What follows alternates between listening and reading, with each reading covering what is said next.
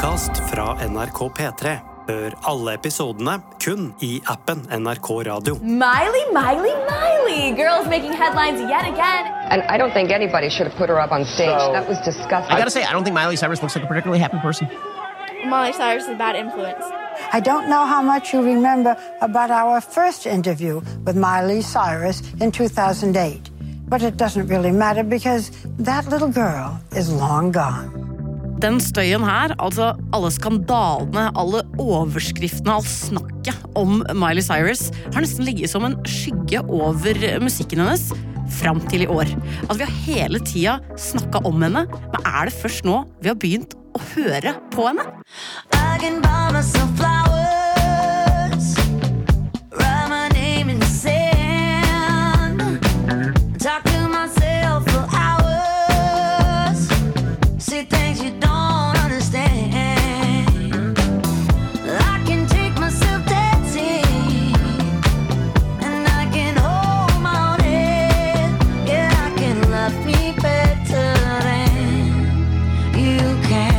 er jo faktisk helt spinnvilt hvor populær Flowers av Miley Cyrus har blitt bare i løpet av det første kvartalet i 2023.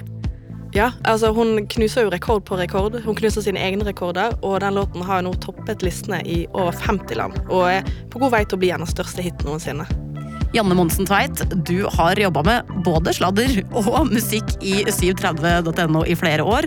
Nå er du musikkprodusent i P3, og du har fulgt nøye med på karrieren til Miley helt siden hun kasta parykken til Hannah Montana.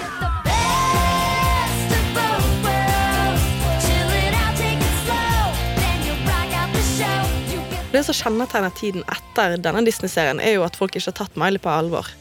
Alt som har foregått i livet hennes, alt det private, all kontroversen, det er jo det som har tatt eh, mye av det fokuset som eh, kanskje musikken heller skulle hatt. Men selv om hun har skapt utrolig mye misnøye med f.eks. oppførselen sin opp igjennom, så har hun på samme tid vært helt kompromissløs når det kommer til hennes musikalske karriere. I wanted something that was like my roots because it's all about, you know, partying in the USA and um, like an all American song. And so I come out tonight and I'm literally in like a trailer park, a blinged out trailer park. And I'm like, this is to represent where I'm from and being so proud of it. And I love that. Yeah, it's a party in the USA. Yeah,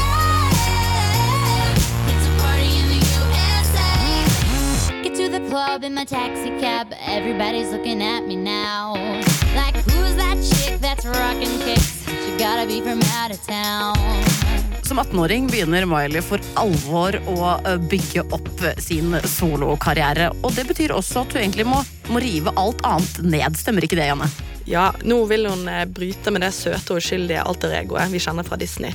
Eh, og da tar hun flere grep. Hun begynner eh, sakte, men sikkert å vise mer hud og får en litt mer rock og tøff stil. Og så ikke minst så har hun en TV-opptreden der hun danser med en strippestang. Og da, da begynner det å skje ting. Ja, for Party in the USA var jo første smak av en litt mer gæren Miley, som skiller du fra det trygge livet i TV-serien vi fikk se på Disney Channel. I started auditioning for the show when I was 11 and, and started working on it by the time I was 12. And so, you know, we just finished up this year. So it's been a really awesome ride. It's been a long, it's been a long time. It's been awesome. I worked really hard and now I just feel like I'm kind of prepared for whatever because it was a really good training So me. is this phase of your life and, and your career over as you move on to the next uh, area? Um, well, the show still is going to air at the end of this year. There'll be more Hannah Montana episodes, so Uh-huh. that's still you know good for my younger audience. So that's not you know completely over for my fans, but I'm kind of moving on to new things. Nå skal hun bryte med det imaget folk har sett av henne. Og for å illustrere at hun har vært fanga i verdens mest populære TV-serie for barn, så er Miley kledd ut som en fugl med svære, svarte vinger utstilt i et bur. Ladies and gentlemen, in captivity for the first time, the rarest creature on Earth, Avis Cyrus.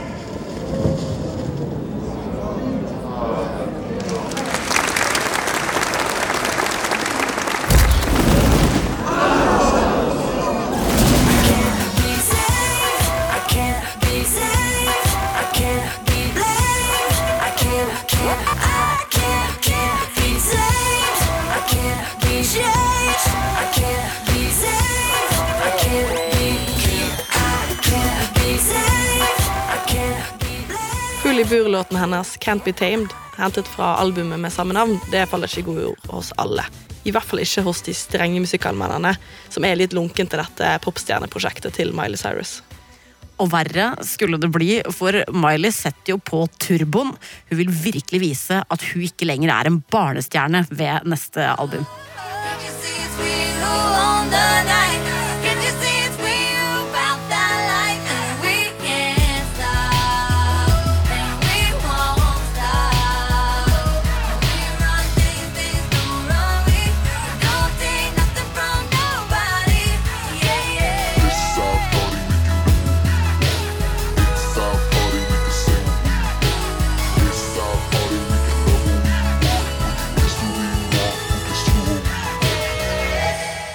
I starten av 20-årene så er ungdomsopprøret komplett når Miley gir ut albumet Bangers. Eh, og det albumet er jo fronta av den fantastiske og undervurderte første singel We Can't Stop.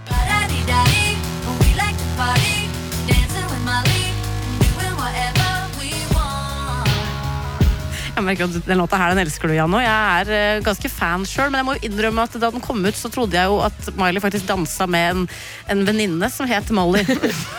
det var jo sånn jeg lærte at det faktisk er forkortelse for et, et rusmiddel. Og det er jo ikke noe nytt å utforske og eksperimentere når man er i starten av 20-åra. Og det samme gjelder jo også seksualitet.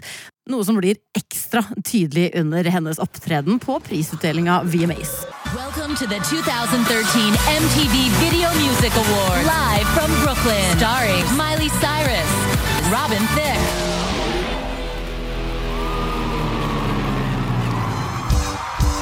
Everybody get up.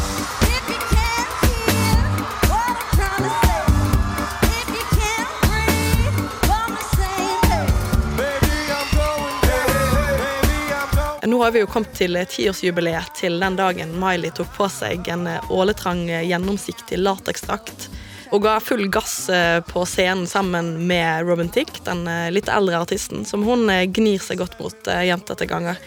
Um, og da danset jo hun på en måte som var ganske ny for uh, oss hvite folk på den tiden, nemlig ved å twerke. Samtidig som denne berømte tungen uh, hang langt utenfor uh, munnen. Og det her skapte jo store reaksjoner.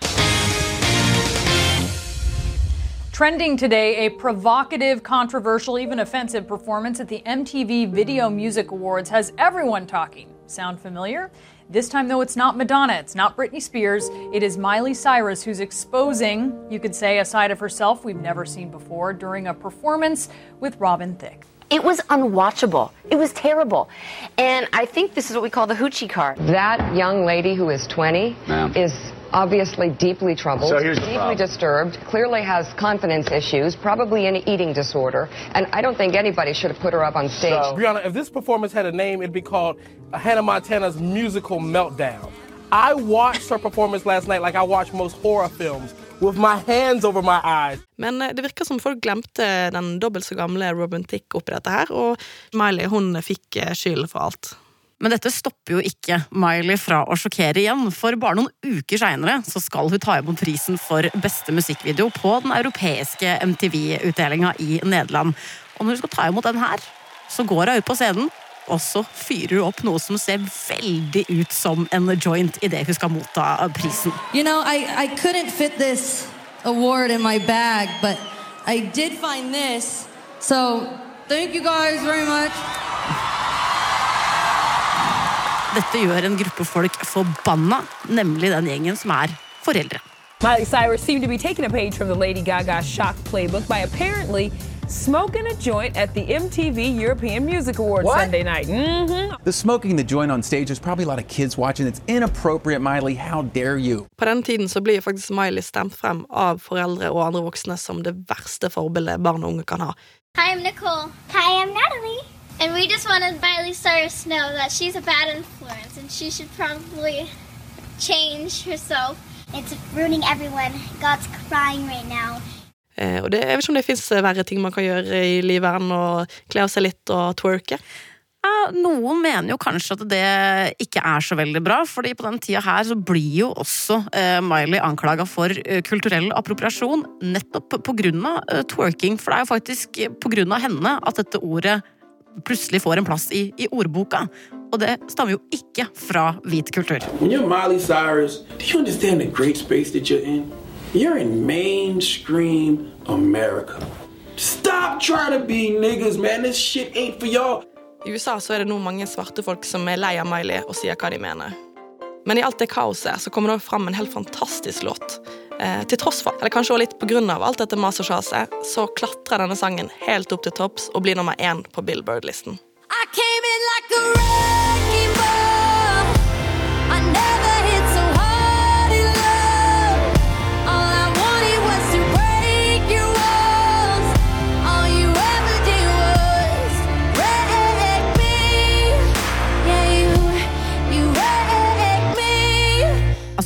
største hiten hennes høres jo ut som en kommentar til alt bråket rundt henne. Og Miley blir popstjerne for real med Wrecking Ball og den legendariske musikkvideoen der hun har tatt av seg alle klærne og svinger seg rundt på ei rivningskule. Og i denne perioden her så er det jo overalt. Og det virker nesten litt som hun begynner å få litt overtenning musikalsk, Janne. Ja, og etter en så eh, kommersiell og stor hit, så går hun nå helt nye veier. Hun begynner å eksperimentere med prosjektet Miley Cyrus and The Dead Pets, der hun samarbeider med de psykedeliske rockerne i Flaming Lips.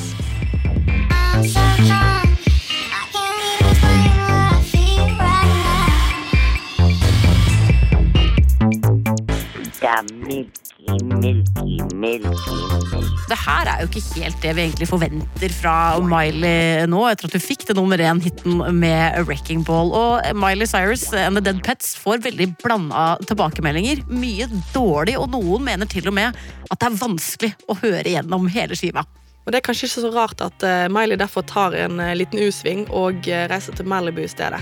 Eh, bare to år etter eh, det litt eh, bråkete albumet sitt, så er hun nå tilbake i et veldig rolig og behagelig poplandskap. Og det, det blir bedre likt av både folk og anmeldere. The sky is more blue in Malibu.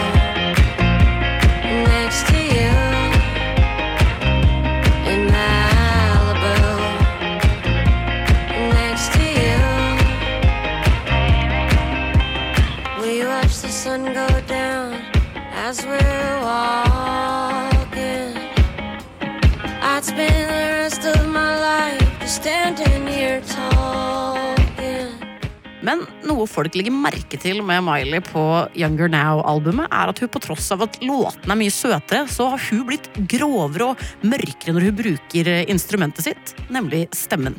Altså Hun høres tøffere ut, og det er ikke bare fordi hun dreier i en litt mer rocka stil og retning. Den eh, forandrer seg jo til de grader. Eh, Og selv om Miley sier at hun eh, liker å jobbe i de litt sånn lave, naturlige registrene for hun, så er det folk som henger seg opp i at stemmen hennes har blitt så grov og mørk. Your your voice was different.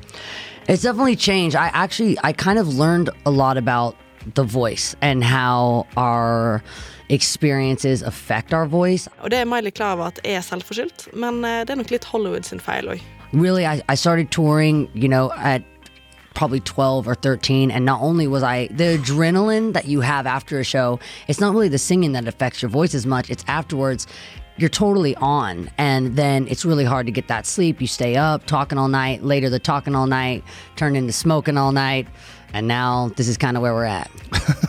we got some dirt on her.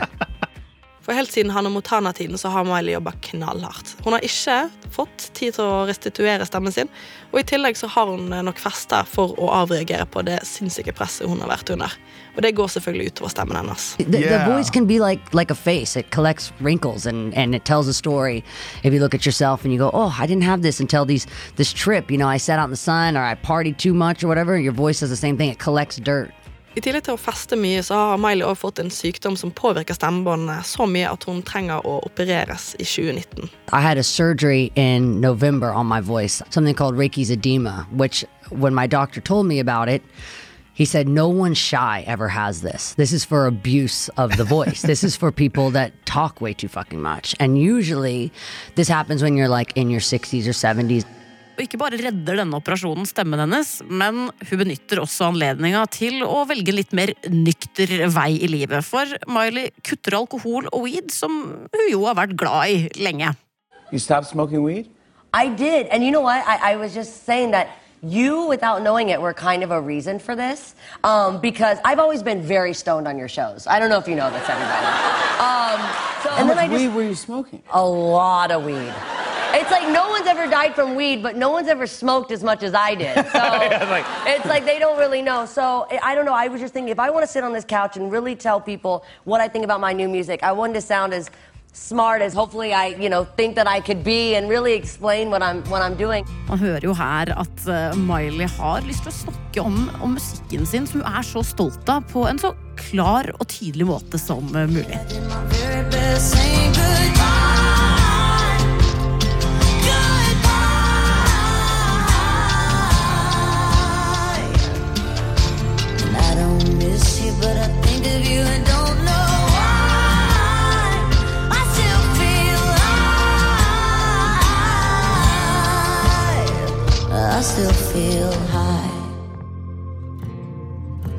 Har jo Miley brukt 2010-tallet på å, å leke seg litt og utforske ulike sjangre.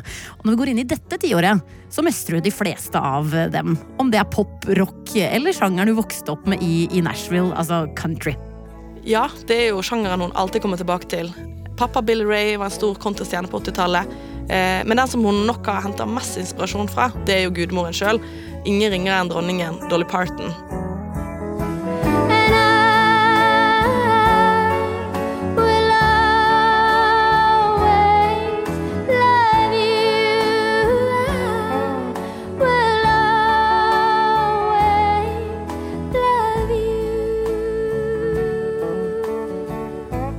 Som hun har fått masse råd og støtte fra helt siden hun var liten.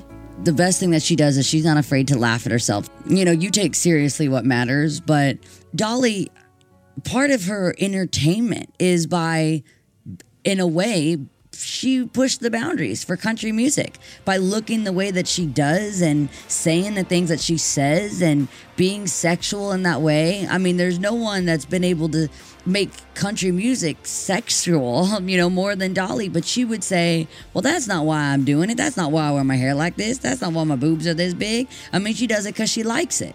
And I think that's what you got to do. If you want to be in that way pushing the boundaries, you have to like it. Don't you ever say I just walked away. I will always love you. Mileys eh, faste nyttårskonsert inn i 2023 den skinte jo litt ekstra da gudmor Dolly sang med henne på flere låter. Men året starter jo virkelig med et brak når Miley slipper sin første singel fra sitt åttende album, nemlig Flowers, den 13. januar.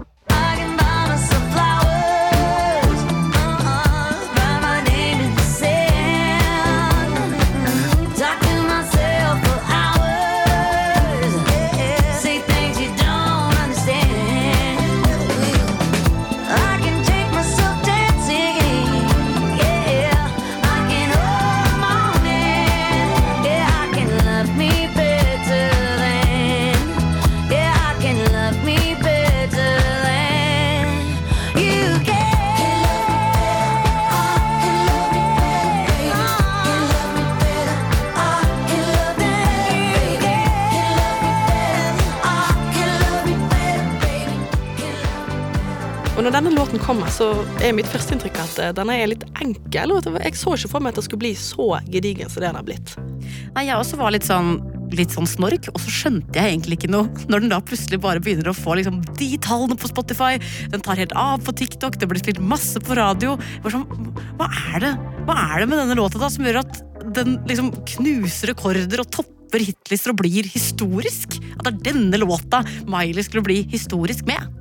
Ja, Den er jo ikke så enkel som den høres ut ved første litt. Den har mange lag ved seg, akkurat som en blomst. Eh, Det er mye teksten som selvfølgelig snakker om dette forholdet hun hadde med eksen sin.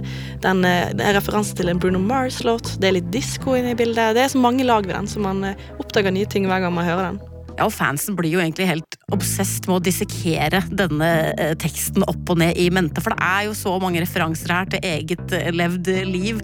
Man skjønner det jo virkelig eh, når man hører linjen Built a home and watched it burn. For det har jo faktisk skjedd med Miley sitt hus, det hun delte med denne eksmannen. Here on Miley Cyrus's property, everything was destroyed by the fire except for her recording studio behind me. Så her er det liksom ingen tvil om Hun er litt mer, eh, litt mer virkelighetsnær enn det jeg hørte musikken tidligere. Og eh, litt Taylor Swift-tilstander i, eh, i fansene. Men bak alle disse teoriene om eh, hva låta egentlig handler om, og hva som egentlig har skjedd, så ligger det jo et eh, ganske viktig budskap, eh, egentlig. For i stor kontrast hennes forrige nummer én-hit, 'Wrecking Ball', som er en supertrist eh, breakup-ballade, så tar jo virkelig Flowers ansvar for å oppfordre deg til å drive med det som er kanskje noe av det viktigste, nemlig selvkjærlighet. At du skal, du skal kjøpe blomster til deg sjæl fordi du fortjener det. Det virker jo som at Miley har det mye bedre med seg sjøl nå, og det skinner jo gjennom i musikken. Og det, Kanskje det er rett og slett lettere for folk å svelge og rett og slett å ha det bra. Det er noe som kan bli en global hit. Og Miley har kanskje også tatt litt ansvar for at vi har blitt litt mer tolerante overfor f.eks. seksuell frigjøring og det å utforske forskjellige ting når man eh, vokser opp. Og nå har hun endelig landa. Nå kommer hun med det viktigste budskapet av alt, at man skal elske seg sjøl. Og kanskje hun kommer med det budskapet at folk endelig eh, åpner ørene for det hun har å si, og ikke minst for talentet hennes. Og Det er jo ikke så rart at eh, Miley ville bryte litt ekstra hardt ut av det buret som Disney satte på henne, og at det ble litt ekstra ståhei når en, en, en, et barneidol rett og slett eh, gjorde litt kontroversielle ting. Men eh, 10-15 år seinere så er ikke det Altså, Tina har forandret seg, og det har Miley òg. Nå i det siste så har hun jo slutta å trykke på de knappene som provoserer folk så utrolig mye. Og med det så har hun fått et publikum som kanskje ikke har hørt så mye på henne før Flowers. Eh, og jeg håper jo at folk bare fortsetter å sjekke ut eh, katalogen hennes, eh, for det ligger mye godsaker der. Og så burde vi kanskje ha samme tilnærming til musikken som det Miley har. I love music. I love all styles of music. I don't ever label music. I love it. It should be like sexuality. It should be like race. It should be like religion. I don't think about it when I think of something I like. I just like it or I don't.